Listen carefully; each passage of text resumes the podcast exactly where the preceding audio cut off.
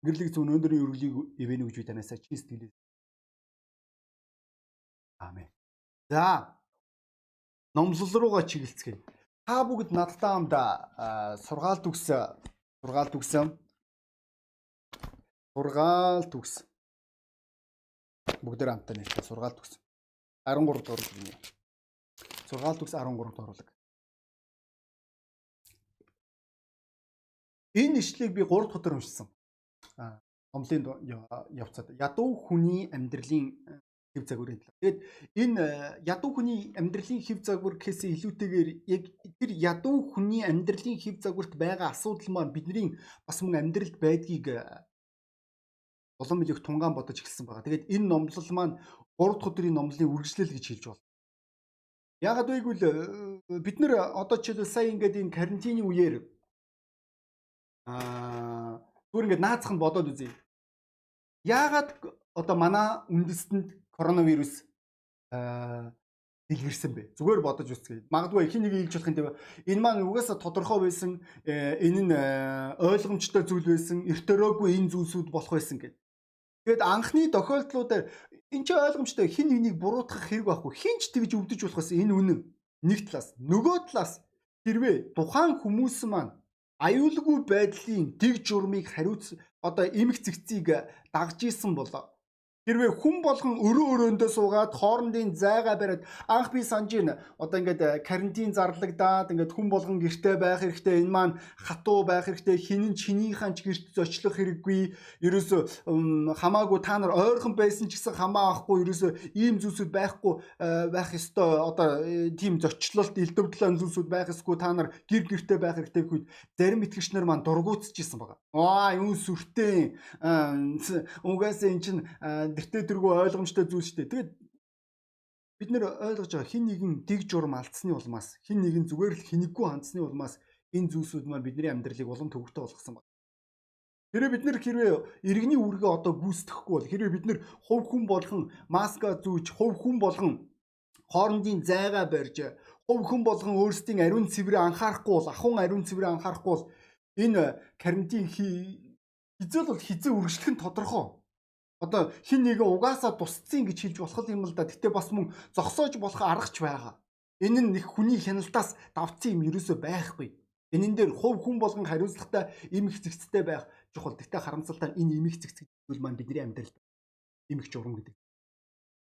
Энэ эмх журам гэдэг зүйл маань бидний амьдралд байхгүй учраас бид нэр энэ зүйл энэ өвчин маань энэ э, дархал маань хаас айгуу тарна гэж ярьж байгаа. Бид нар бас мөн энэ улаан одоо энэ Улаанбаатарт энэ карантины хугацаанд хүмүүс өгөн бол гэрээсээ гарахгүй байгаа. Машин гадаа гудамжинд харьцангуй цөөрж байгаа. Ойлгомжтой сүүлийн хэдэн хоног бид нэр дэлгүүрүүд онгоогоод машинууд их болж байгаа. Гэтэ өчтөр хүртэл би гадуур явж явах үед машин тийм ч их байгаагүй. Тэгээ зүгээр машины ослыг бүгдээрээ бодож үз.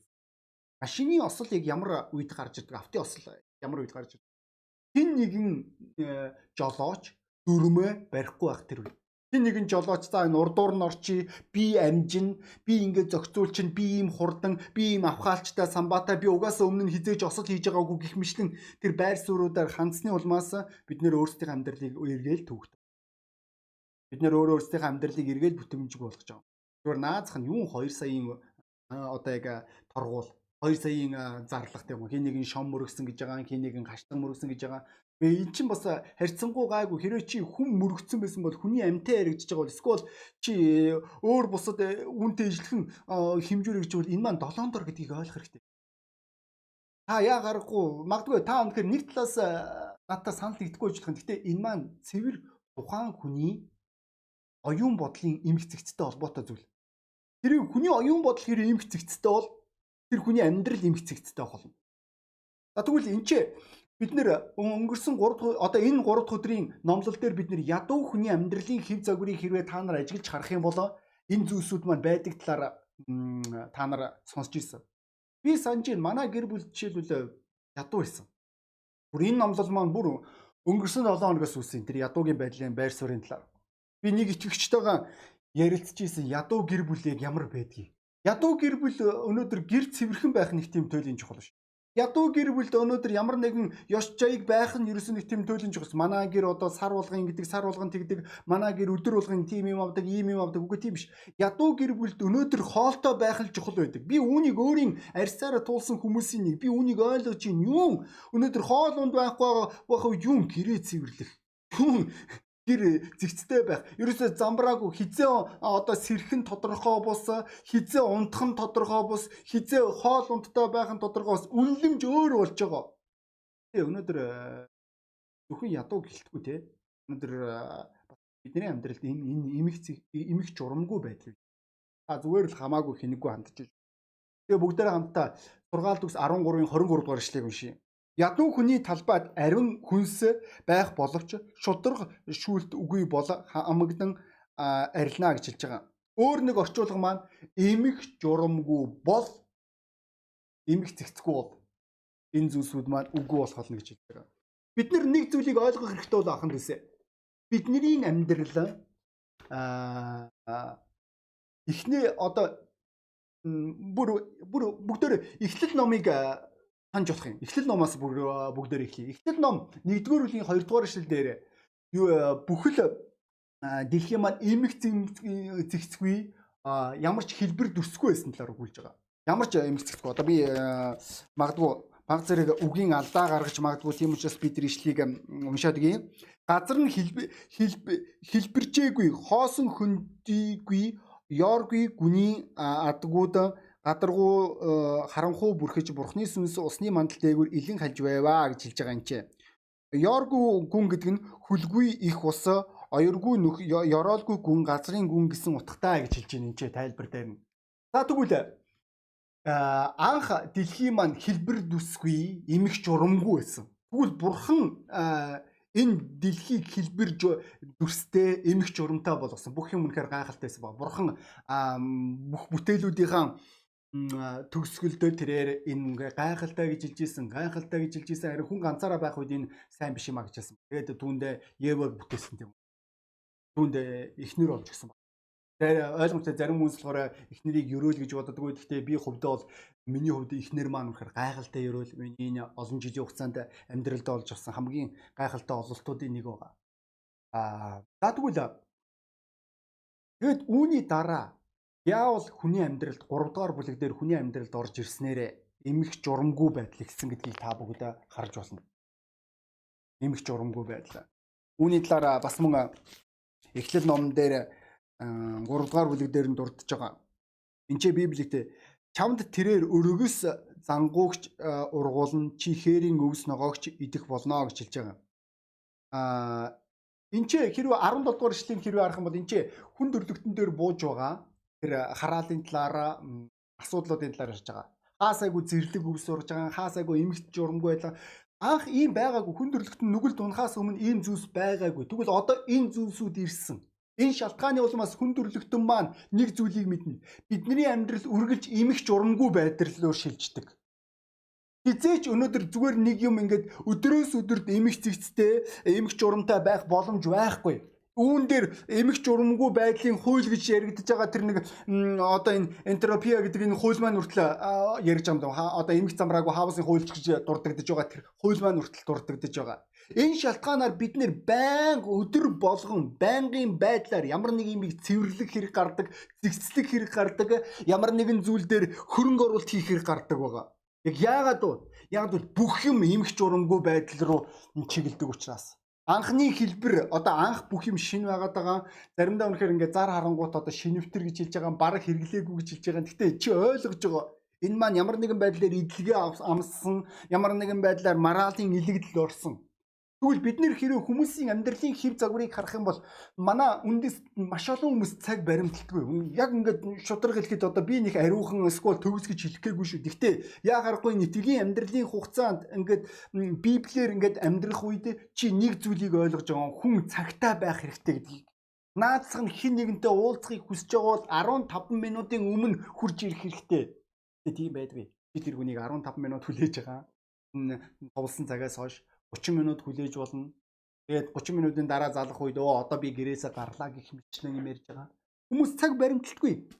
Бид нэр хизээ хаана Яг ямар үед хурж ирэхээ мэддэггүй. Чи зүгээр тэр хүн хүний амьдрал ерөөсөө дамбрааг байгаа.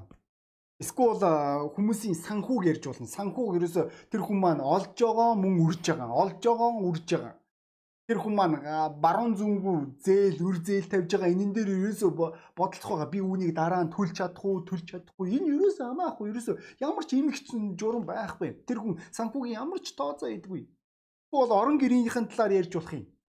А тэр хүний орон герт ерөөсөө хаана юу байгааг мэддэхгүй бүр хизээч тэр хүн нэг газараа одоо миний тэр зүйл тэнцээ байгаа гэсэн ойлголт байхгүй Ерөөсө хаан ч гэж болно.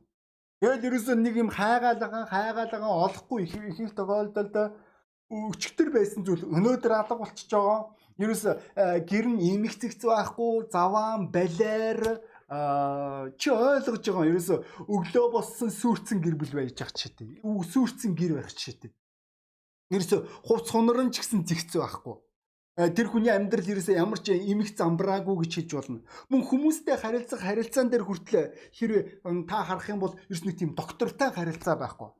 Тэр хүн өнөөдөр таны найз байгаа маргааш таны дайсан болж болно. Та хүнд маш амархан дургу болдог, маш амархан үзий яддаг, маш амархан өөлдөг, маш амархан гомддог баг читэй.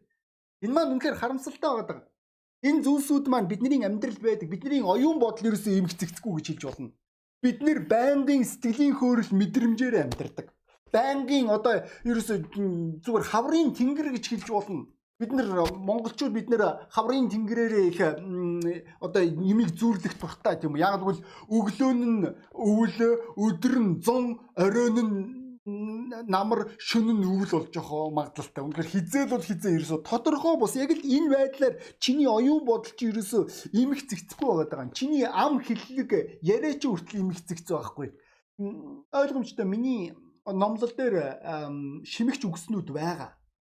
Миний тогтсон би үн дээр ажиллахыг хичээж байна. илүү сайжруулахыг хичээж байгаа. Аа тэгвэл энэ үгсүүд таны амьдралд бүр их хэмжээгээр байж болох юм таны оюун бодол эмгцэгц байхгүй. Та хинд итгэдгээ мэддэггүй яг яах гэж итгэдгээ ойлгодгүй. Энэ шалтгааны улмаас та итгэлийн амьдралдаа байнга л эргэлзэж идэг. Яг яагаад яг таны амьдрал өөрөө эмгч урамгүй учраас. Таны оюун бодол эмгч урамгүй учраас. Та Библи хэлэхдээ хоёрдмол санаатаа нэгэн бүхэл үйлсүүддээ докторгүй гэж хэлж байгаа. Бүхэл үйлсүүддээ. Та юу ч хийсэн та докторгүй байх болно. Юу ч хийсэн таны амьдрал баталгаагүй байх болно. Яг яагаад маш энгийн өөрөө энчээний имэх журамгүй учраас энд тань имэх журам байхгүй. Энэ шалтгааны улмаас тань имэх журам байна. Таны гэр бүлээ имэх журам байхгүй. Библи хэлэхдээ мэрэгэн ухаанаараа а мэдлэгээр орон гэр боцдог гэж хэлж байгаа. Та өөрийнхөө орон гэр өөрийн а одоо яг орон гэрийнхэн тэр бүх зүйлсүүдийг өөрийн мэрэгэн ухаанаар босгож байгаа. Сургаал төгсдөр энэ ишлэл байгаа даа. Энэ байхгүй тань. Ма бас мөн бид нэр гэр бүл тарж байна. Гэр бүлийн тэргүүн гэдэг охин байхгүй. Гэр бүлийн тэргүүний тогтолцоо өөрчлөгдсөн. Тэр гэр бүлийн магадгүй тэр залуу мөнгө олдог байж болно. Гэхдээ мөнгө олдог гэлээгээд өнөөдөр эхнэр нь зөвхөн мөнгө олдгийн төлөө нөхрөө хүндэлдэг бол энэ маань өрөвдөлтөө ойлголт. Өнөөдөр э, тэр гэр бүлийн тэргүүн тэргүүн байх хэрэгтэй. Тэрнээс бол э, зүгээр нэг э, одоо тоглох дуртай, зугаацах дуртай, наригах дуртай нэгэн биш. Яг үнэндээ хэлэхэд хүүхдүүд нь аавыгаа хүндэлдэггүй, аавынхаа үгийг сонсох дургүй, гэртээ хүүхдүүд нь байх дургүй, аав ээжтэйгээ харилцах дургүй. Яг яг яг энэ гэр бүл дээрээс толгоо хөлн мэдгэтгэе болцсон. Тэр бүлд хинэн тэргүүн хинэн тэргүүн биш гэдэг юм байхгүй. Хүүхдүүд нь хүмүүжилгүй. Ерөөсө дур зоргоороо загиндаг. Тэгээд үүнийгээ эцэгх нь аргаа бараад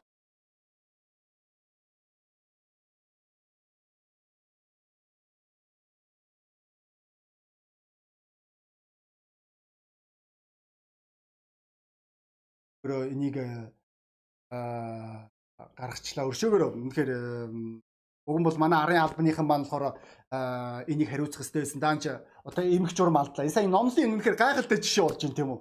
Үнэхээр супер. Жишээл надаа энэ зүйлсүүд таалагддаг. Сүмд бүх юм эмх зэгцтэй байх хэвээр. Яг л энэ бурхны үйлс учраас.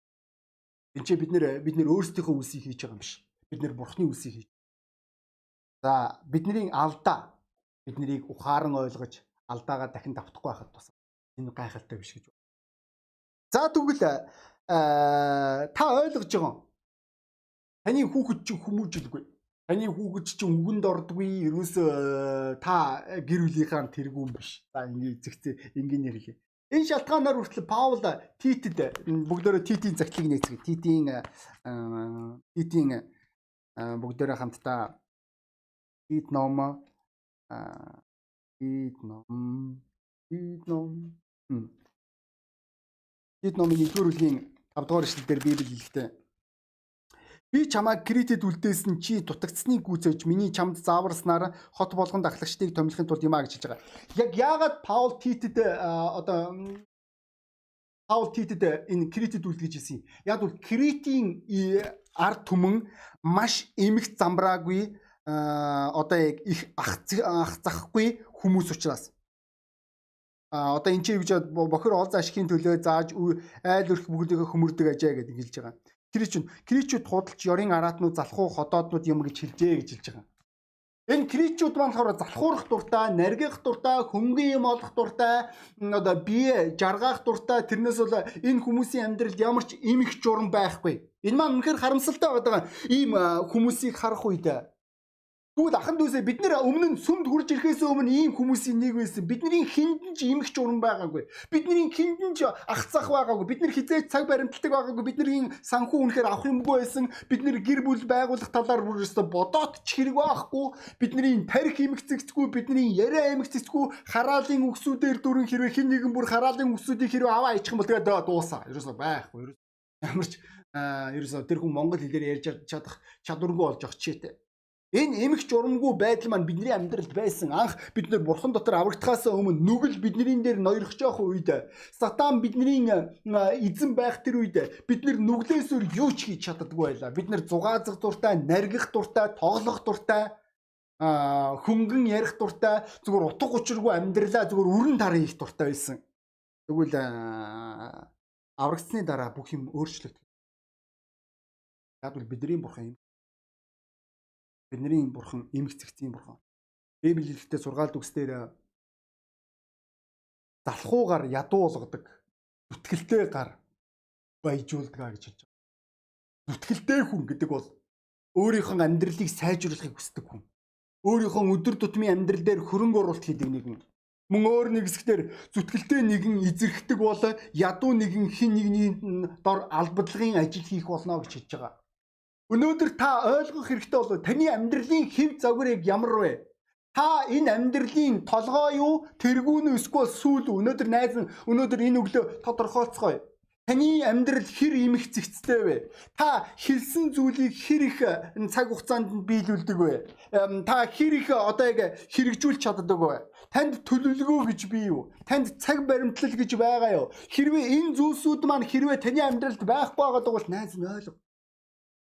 Та амьдралдаа эмх журамгүй. Та амьдралынхаа эзэн биш. Паул Тимотийн загтал дээр сүмийн ахлагчдын талаар буюу удирдгчдийн талаар ярих үед пасторуудын талаар ярих үед мөн энэ маань Библи судлалын багш нарын талаар ч дурддагдж болох ишлүүдийн нэг.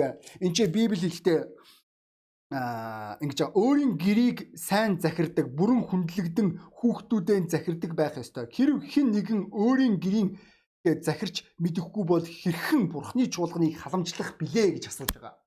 Паул маш тодорхой хэлж байгаа. Өөрийн орон гэрээ зэгцэлж чаддаггүй. Чиний орон гэр чинь эмэгт журам байхгүй. Чи ихнэрээ ихнэрээ чи өдөрдөж чаддаггүй. Хүүхдүүдээ өдөрдөж чаддаггүй. Чи чи сүмийг босгох гэж хизээч байхгүй. Ийм үлгэр байдгүй найз минь. Бодтойгоор арцгаая бүгдөө. Өнөөдөр хэрвээ чиний амьдрал өнөөдөр удирдахч хүний амьдрал эмэг журамтай байх хэвээр удирдахч хүний амьдрал эмх зэгцтэй байх ёстой. Тэр хүний амьдралын бүхэл зүйлсүүд маань тодорхой чиглэлгүй орж орж байгаа. Яг яагаад бид нэр эмх журам гэж ярих үед хариуцлага гэдэг ойлголт хэрэгдэж байгаа. Хариуцлага гэдэг ойлголт бидний амьдралд байх тэр үед бид нэр юуг хизээ ямар үед гэдгээ бид нэр үргэлж ойлгож явах болно. Энэ маань маш чухал байгаа. Өнөөдөр чиний хувийн амьдрал эмх журам байх ёстой. Чиний орон гэрчин цэвэрхэн байх ёстой чиний хувц хунар чинь эмэг зэгцтэй байх хэрэгтэй. Чиний бүхэл зүйлс байх ёстой, газраа байх ёстой. Чиний амьдралаас хэрэггүй зүйлсүүд хаягдах ёстой. Тэрнээс хаамаагүй хог цуглуулад авах биш. Энэ нь чиний амьдралд байх ёстой. Чиний бүх одоо тэр зардлууд, байрны төлбөр, өөр бусад бүхэл зардлууд чинь цаг хугацаанд төлөгдөх ёстой. Надаа ойлгодгүй одоо жишээлбэл зарим хүмүүсийн амьдралын зөвөрийг хараад маш өндөр одоо утасны тарифтай байгаа. Одоо жишээл үйлчлэгээ авч байгаа. Одоо юу гэдгийг би өөрөө Mobicom ашигладаг жишээл хибрид дараах төлбөртэй шилж байгаа. Гэтэ ясам дээр чи тэр мөнгнүүдэд төлж чадахгүй ээжиж чи тийм үйлчлэгээ авахыг хүсэж байгаа. Өнөөдөр хүмүүс тийм ээ сайхан амьдрахыг хүсэж байна. Гэтэ уучлаарай найснараа хэрвээ бид нэр эмх журам руу өөрсдийн амьдралаа чиглүүлэхгүй бол сайхан амьдрал бидний амьдралд ирдгүй. Үүнийг ойлгох хэрэгтэй болов. Энэ маань чухал чи хоёр номертой байгаа. Тэгсэн мөртөө чи хоёр номер хоёулынгийн нэгжээр хангах чадваргүй жиж чи яагаад чи хоёр номертой. Надаа ийм хүмүүс ойлгомжгүй санагддаг. Зардал нь орлогоос илүү юм шиг надад санагддаг энэ хүмүүсийн амьдралаа. Тэр хүмүүс энэ шалтгаанаар байнга л одоо утас нь хаа нэгтээ нэгж нь байхгүй, нэгж байхгүй. Би одоо ингээд чамнарынхаа тэр одоо үгсүүдийг сонсоход миний дургу үрдэг байгаа. Яагаад чамд нэгж байхгүй байгаа? Яагаад чи чинь хүмүүст үйлчилж гин гэж хэлж байгаа. Чи хүмүүсийн төлөө санаа тавина гэж байгаа. Чи байг нэгжтэй байх хэрэгтэй залуу. Аа эсвэл оо пастор миний утасны цэник дууссан. Үгүй юу гэсэн үг наад утсаа хай тэгвэл. Чи утас цэник сайн барьдаг Nokia-тэй бол. Чи эсвэл одоо өөр бусад одоо 30 хоног цэнэгээ барьдаг утастай байдаг ч юм уу. Яг яагаад вэ? Чи хүмүүст хэрэгтэй байх хэвээр. Би чам руу залгах үед чиний утас дугардаг дуурж мөн энгийн ажиллагаад байх хэвээр. Тэрнээс миний спикер харин гिचээд байгаа маа тэгчээд байгаа мөгөд наа. Чи яагаад чи ийм сонин ийм э, утас барьчаа чи хүмүүст үйлчлэнэ гэж бодож байгаа юм бэ? Энэ маань үнэхээр тэнийг ойлголт гэдгийг ахан дүүсээ ойлгох хэрэгтэй болов. Чиний гэрт чинь бүх юм байх ёстой газар байх ёстой. Тэрээс бичиг баримтаа хайгаатай өнөөдөр өө миний тэр паспорт ачуу тэр ачуу энэ ачуу гин чи юу гэсэн үг вэ залуу минь ээ. Тэр ойлгох хэрэгтэй болов. Эсвэл чиний машин чинь эмгч зэгцгүй.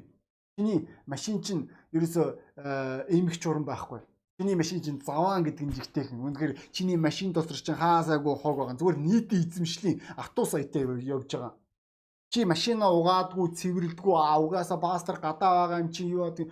Үгүй би машина гадаа тавьдаг байх үедээ хүртэл би машина угаадаг байсан. Үүнийг шавнараас гэрчлээ шүү.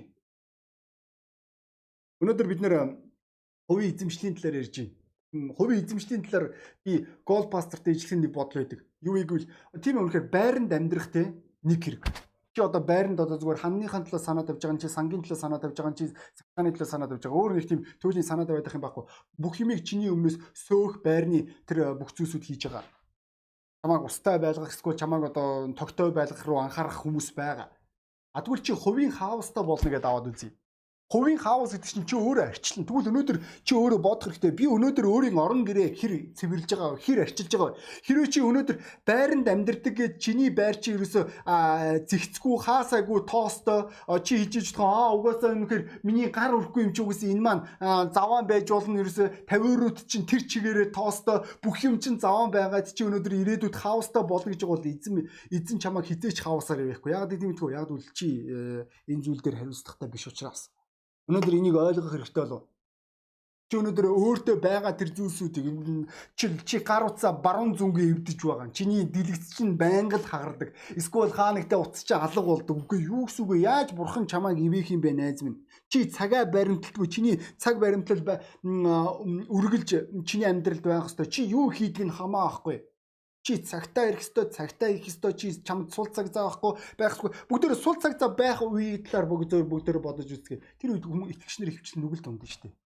Гар утсаа ингээ майжж байгаа. Ерөөсө сүүлийн үед ерөөсө гар утсаа сошиал ертөнц рүү ингээ байн гадаад фейсбુક байн ухаастай ямар мэдээлэл одоо эмэгтэйчүүдийн ганц яадаг нь болохоор яаж турах уу, яаж ямар хоолоо яа ингээ одоо эхэндээ уг сэтлэн их гоё одоо. Гэтэ чи ойлгож байгаа нь тэр эмэгтэй чи тэр гар утсан дээр эсвэл тэр эрэхтэй зүгээр цаг 2 цаг 3 цаг суухад ч билээ. Унтахын өмнө заавал гар утас майж ястай. Сэрээд заавал гар утас майж ястай. Чи чамд илүү сул цаг зав бий болж байгаа. Чиний амьдрал зохион байгуулдаггүй. Энэ маань гонигтай. Чамд ямар ч цагийн тооцоолол айл ингэж байхгүй. Өнөөдөр им эмх журамгүй байдал байх үед бидний ишлэлээ чи хизээж амжилт олохгүй гэж. Чи хизээж амьдралдаа ялалт байгуулж чадахгүй найз нь ойлго. Үүнийг зүгээр мах тусандаа ойлгох хэрэгтэй Учир нь чиний амьдрал санаа тавилт байхгүй байгаа учраас Харж байна бидний ишлэлээр хэлэхдээ ядуугийн талбай дээр хүртэл боломж байдаг. Ядуугийн талбай дээр хүртэл ургац ургадаг боловч талах байх тэр гурил тариа будаа байдаг боловч тэд нар эмх журамгүй бид нар ерөөсөө ийм зураглыг би өчнөө удаа хөдөө харж исэн. Ялангуяа ногоотой газруудаар чи зүгээр зэрлэг үнэхээр аимшигтай ургаж байгаа. Юун ургац. Уг нь бол нэг хавар 5 сар дөрөв 6 сар тэд нэг тарих гэж үтсэн байгаа даа. Тэгээд дараад нь юу ч хураахгүй байгаа даа. Тэгээд улсын итгэмж өөр бусад зүйлсүүдээр амьдрахыг илүүд үзэж байгаа. Ингиж амьдрах амархан байж болох юм да гэтээ эн чинь амьдрал биш шүү дээ. Чиний бүтээмж тэр хэмжээгээр буурна гэсэн үг. Өнөөдөр чи тэр хэмжээгээр амжилтгүй болно гэсэн үг. Чи хэрвээ ирээдүйд илгээхийг хүсэж байгаа бол залуу минь өнөөдөр чи өөрийнхөө амьдралын эмх журам руу анхаарлаа хандуулах. Яг гэвэл чи өдөрдөгч болох гэж байгаа хүн өдөртөгчийн хувьд чиний цаг баримтлал, чиний санхүү, чиний ажил үйлс чинь бүх юм тодорхой байх хэвээр 7 хоногийн өмнө надаа Харалд Орнер пастрын сүм үнэхээр таалагддаг. Тэдний үйл ажиллагааны реклам нь одоо сайтн дээр явдаг. Би одоо тийм сайт майтыг одоо эзэмшиж чадахгүй л да би одоо энийг арчлах надад чадвар байхгүй. Би энийг ойлгодогчгүй өршөөгөр үнэхээр ойлгохгүй учраас үнэхээр юу ч хийж чадахгүй. Тэгэд би итгэгч нарынхаа хэн нэгэнд Facebook хуудсыг одоо ингээд байнгын одоо шинжлэх талаар ярьж байгаа. Тэгвэл энэ хүмүүс хэрэг намайг сонсож байгаа бол зүгээр бодоцгүй Харалд Ворнер пастрийн сүмд 2 7 хоногийн дараа хэн номлох уу, ямар ишлэл ашиглах уу, ямар нэртэй номлол байх нь тодорхой ингээ реклам явж байгаа. 2 7 хоногийн өмнө. 2 7 хоногийн өмнө шүү. Энд чи юу гэсэн үг вэ? Чи ойлгож байгаа. Амжилт чиний эмх журмаас. Чиний амьдрал эмх журамтай байвал чиний амьдрал амжилттай байх бол. Хэрвээ чиний сүмжийн эмх журамгүй бол Тэрвээ чиний орон гэр чи имэх журамгүй бол, чиний гэр бүл чи имэх журамгүй бол, чиний санхүү чи имэх журамгүй бол, чиний хэрглэж байгаа, эдэлж байгаа зүйлс чи имэх журамгүй болон чиний цаг цаг хугацаа чи имэх журамгүй бол чи нүгэлд уннуугаас хизээч чи сайнаар амьдрахгүй гэсэн үг. Өнөөдөр үүнийг ойлгох хэрэгтэй болов. Тэм учраас өнөөдөр ахан дүүсээ бидний хүн болгон бурхны өмнө хариуцлагатай. Хэн баг юмд итгэмжтэй байна? Түүнд бурхан илүүг даатгадаг. Чи өнөөдөр өөрийн амьдралын яг ямар зүйл дээр эмх журамтай э, итгэмжтэй байгаа вэ? Найз минь ойлгох хэрэгтэй болов. Хэрвээ чи хариуцлагатай юм бурхан чамд илүү өгнө. Сая бас мөн сая баг зэрэг одоо асуудал үүслээ. Тэгээ хүмүүс өөрийн алдаанаас суралцах хэрэгтэй. Би одоо юу гэдгийг алддаггүй гэж хэлэхгүй. Би байнга л одоо төвс байдаг гэж үнэхээр худлаа ярихгүй болов Гэхдээ энэ зүйлсүүд дээр байнга ажиллаж өөрийн алдаан дээрээ суралцаж энэ алдааг дахиж давтахгүй байх хэрэгтэй. Одоо жишээлбэл камерын хугацаа ойртчихиж болох юм. Үүнийг бид нэр үргэлж санаж явах хэрэгтэй. Бид нэр өөрсдийн алдаан дээрээ суралцаж мөн эсвэл бусад хүмүүсийн алдаан дээр суралцах хэрэгтэй. Ялангуяа бид нэр бурхны үйлсийг хийж байгаа бол бид нэр өөрсдийн зүгээсээ хийж болох хамгийн сайн нараа хийх хэрэгтэй. Тэрнээс бол муугар биш. Тэгээд эцэст нь хэлэхэд найз нараа та нарын амьдралын хэв загвар нүгэлт ертөнцид нөлөөлж байгаа. Өчигдөр манай ихнэр янз бүрийн одоо гаж урсгалуудын солиотой солиотой зүйлсүүдийг а одоо тэр жишээнүүдийг ингээд цоглуулсан түүнийг мэдээд авцсан тэр хүнтэй ярилцсан гэж хэлж байгаа. Үнэхээр гонигтай шүү. Жинхэнэ итгэгчнэр хэрвээ тийм байдлаар буруу үлгэр жишээ үзүүлвэл яа. Энэ нь юу гэсэн үг вэ? Таны амьдрал бусдад нөлөөлдөг гэсэн үг. Таны амьдрал өнөөдөр нүгэлт хүмүүст нөлөөлж байгаа. Таны амьдрал өнөөдөр хамаатан саданд чинь нөлөөлж байгаа. Та хамаатан садантайгаа хамтдаа наргиж зугаацж ингэж нөгөө лотын гэр бүл шиг тийм үү? байдгаар нүгэлтэн дунд нүгэлтэн шиг амьдарч чад ялгаагүй амьдарчаад хамтдаа тоглоол хамтдаа аригтаал хамтдаа зугаацчаа тэнгүүдээ дараад нь бурхан чиний амьдралыг өөрчлөх юм хин итгэх юм бэ эн чинь итгэх боломж байхгүй. Тэгвэл өнөөдөр бидний амьдрал үргэлж нөлөөлж идэг. Өнөөдөр та хэрвээ ирээдүйд пастор болохыг хүсэж байгаа бол мөн эсвэл та одоо пастор бол таны амьдралын хэв загвар таны шавнарт нөлөөлдөг. Та өнөөдөр гэр бүлийн тэргүүн гэж яригдаж байгаа та аав бол өнөөдөр та гэр бүлийн тэргүүн байх ёстой. Учир нь таны одоо амьдралын хэв загвар амьдралд ханддаг хандлага эмх зэгцтэй эсвэл эмх зэгцгүй байдал чинь хүүхдүүд чинь нөлөөлж байгаа. Тэгвэл өнөөдөр ахан дүүсээ бид нэр үүнийг ойлгож явах ёстой болов бидний амьдрал үргэлж нөлөөлдөг. Энэ шалтгаанаар бид нэр эмх журамтай байх үүрэгтэй. Энэ чухал. Тэгээд хүн болгон толгойн удаалаа нүдэ анихгүй гэж үсэн юм. Хүн болгон толгойн удаалаа нүдэ аньсан байгаа үед аа магадгүй та энэ номлыг анхудаа сонссон байж болох юм. Та ойлгож байгаа. Аа бурхан таны амьдралд хэрэгтэй гэдгийг бурхан танд туслахыг хүсэж байгаа. Бурхан таныг өрөөхийг хүсэж байгаа. Даанч харамсалтай нь өнөөдөр нүгэл э, бидний амьдралд байх үед бурхан таны амьдралд тусалж чадахгүй. Учир нь бурхан нүглийг жигшдэг. Энийг хайрладаг. Энэ хайраа тэрээр зүгээр нэг үгээр биш, үлсээр харуулсан. Бурхан танд үнэхээр хайртай учраас тэрээр өөрийн цорын ганц хүүгээ таны нүглийн төлөөсөө төлөө өгсөн. Түүний хүүгийн золиосоор хаягчлаа. Та нүглээс санах. Чин нүгэл таны амьдралыг сүрүүлэх бол. Дамраагүйгээр. Тэгвэл өнөөдөр найз би таныг бурхантай эвлэрхийг өргөж. Энэ маань энгийн дэмжлийн залбирал гэж дурддаж. Тэгэд та үнийг хүсэж байгаа бол та надтай хамтдаа дагаад хэлэхгүй. Чин сэтгэлээс хамтаа эрхийн залбирал хэрэгтэй. Бурхан минь ээ. Есүс Христ миний нүглийн төлөө өгсөн гэж хэллээ. Тэрээр минь дахин амьсан. Би үүнд итгэх шийдвэр гаргав. Би таны өмнө нүгэлтэй. Миний нүглийг нүгэл миний амьдралыг сөөрүүлж байна. Нүгэл миний амьдрал хайртай хүмүүс байсан минь олдуулж байна. Миний амьдралыг ажилтгүй болгож байна. Би амьдралаа өөрчилж. Би мөн нүгэл миний амьдралыг сүрүүлэхээс гадна юм мэдж байгаа. Юм болгонд шийтгэл байна. Тэгвэл нүгэлтгүн болгоныг энэ дараа үүнд ч юм. Гүн эзэ. Та миний нүглийг үрчлаач. Та миний амьдралд орооч. Таныг таньж мэдэх боломжийг надад өгөөч. Ачлалт бай. Хэрвээ та чин сэтгэлээсээ барьсан бол хэрвээ чин сэтгэлээсээ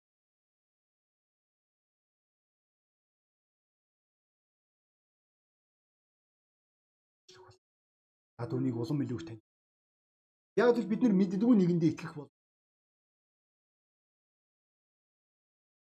Тэгээ дуудлага өрчилж байна. Та энэ хугацаанд залбирж байгаа. Та ойлгож байгаа юу гэдгийг. Та өнөөдөр энэ өглөөнөөс эхлээд өөрийн амьдралаа эмх зэгцтэй болгох хэрэгтэй.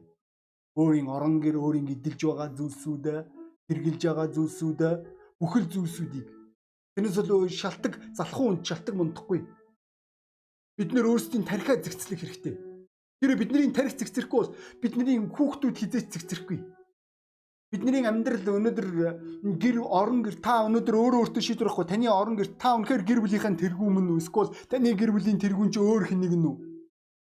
Та үнэхээр гэр бүлдээ нөлөөтэй байж чаддаггүй. Та ирээдүйд илгээхийг хүсэж байгаа. Та таны амьдрал хэр имэх зэгцтэй вэ? Миний дээрх дурдж байгаа тэрл бүхэл бүсүүд дээр та итгэлтэй зогсож чадах уу тэр үгүй бол бурхны өмнө шийдвэр гаргахгүй бурхан танд туслах болно. Учир нь анх бид нэр бурхан дотор хурж ирэх үедээ бидний амьдрал эмх цаан журмгүй байсан. Биднэрт тодорхой бус байсан байгаа. Бид нэр хизээл бол хизээ үрж ирдэг нэг гар утсгээд ах чинь байдгүй. Надад ч л энэ бугуун цаггүй шавнар надаа сонин санагддаг. Тэд нар яг юунд амжих гэж тэд нар бугуун цаггүй байгаа юм болоо. Энэ энгийн зүйлсүүдээс эхэлнэ Эсвэл би ирээдүйд пастор болохыг хүсэж байгаа гэж жагаад хэлж байгаа мөртлөө тэмдэглэх дэвтэр байхгүй балгүй бол энэ ойлгомжтой энэ хүн ирээдүйд ялагдах нэгэн. Бидний амьдралд үргэлж бүх юм иймэрч журамтай цаг нартай байх ёстой. Учир нь Библи хэлэхдээ юм болгон цаг нартай байдаг. Хурдан гэд төрүүлдгийм биш, мэрэгэн гэд затгалан амьдрдгийм биш Өнөөдөр бид нэр өчнөө олон сайн хүмүүсийг харж болно. Уг нь бол тэд нар сайн итгэгч нар мэт. Тэд нар үнэхээр илгэсэг дотн, үнэхээр сайхан сэтгэлтэйж болно. Гэхдээ тэдний амьдралд эмх журам байхгүй улмаас тэд нар ялагдламсдаг. Би мөн ийм эмх журам байхгүй зохион байгуулалтгүй улмаас ялагдламсдаг өчнөө пасторуудыг би хэлж чадна. Тэднэрт танилцуулга байхгүй, цагтаа байхгүй. Тэд нар юу хийхээ мэдэхгүй. Энэ маань эмх журам маань чиний амьдралыг амжилтгүй болгодог ханд үсэ. Тийм учраас үргэлж бүх юм эмх журам руу шилжих ёстой. Энэ бол таны хариуцлага. Энэ бол итгэгч найз минь таны хариуцлага. Би та бүгдийг үн л уурай. Эмх журамтай амьдрахыг, эмх зэгцтэй амьдрахыг бүхэл бүсүүд дээр. Тэгэд таныг энэ өглөө шийдвэр гаргасан гэдэгт найдаж байна. Таныг ивэг. Бүгдээр хамтдаа номлын төгсгөл. Ингэрлэгээс өнөөдрийн номлыг ивэсэн танд баярлалаа. Иесус Христийн нэрээр аамен. Аахан дэс утгагүй зүмөр